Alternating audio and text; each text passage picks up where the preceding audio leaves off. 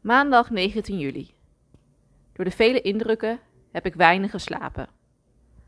Maar met de hele groep van het hostel stonden we om 8 uur gereed om naar Masaka te vertrekken. Alle koffers en tassen die mee moesten werden bovenop het dak van het busje gebonden. Uiteindelijk konden we dan om kwart over tien vertrekken. En je zult zien dat dit vaker voor gaat komen. Bij de Shell haalden we nog wat ontbijt, wat deze keer bestond uit een samosa en een croissant met worst. Daarna rijden we verder naar Masaka. Onderweg stoppen we nog twee keer omdat het busje kapot is en om de evenaar te bekijken. Tegen half drie komen we aan in Masaka en krijgen we een introductie van Jeroen, de Nederlandse projectleider hier in Oeganda. Een paar uur later komen dan ook Anthony, de Oegandese projectleider, en mijn naamgenoot Veronique, die al op het project is, aan. Ze komen ons ophalen.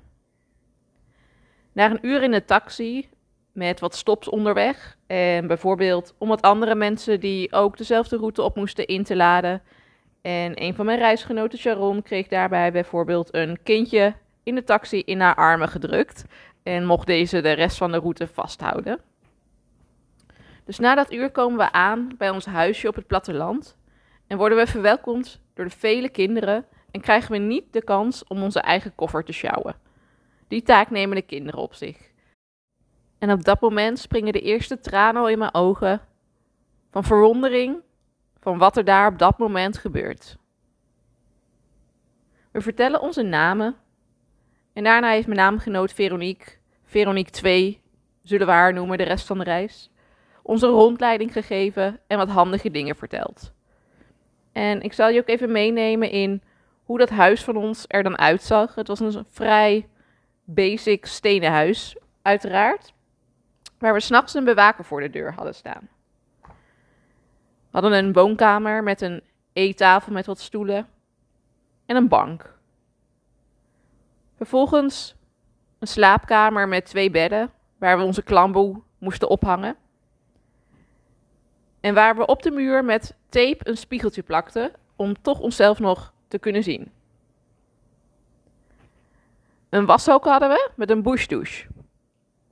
Kortom, een slang met een opgehangen zakje om ons enigszins te kunnen douchen. Verder niets.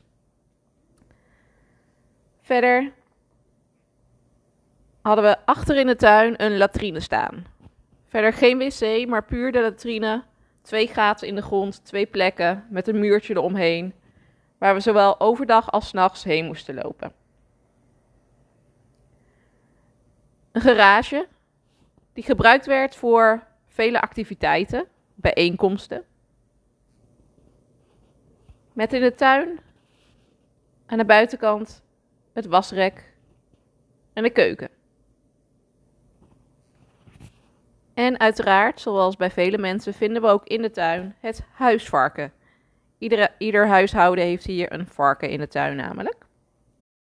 Tot zover de rondleiding van ons Oegandese plattelandshuis. Overigens stond er direct na naast het huis de school waar wij ook gingen werken. En um, zien wij dus ook elke ochtend de schoolkinderen al vroeg aankomen. De rest van de avond halen we nog wat te eten. Een Rolex dit keer. En dit zullen we nog vele malen vaker eten.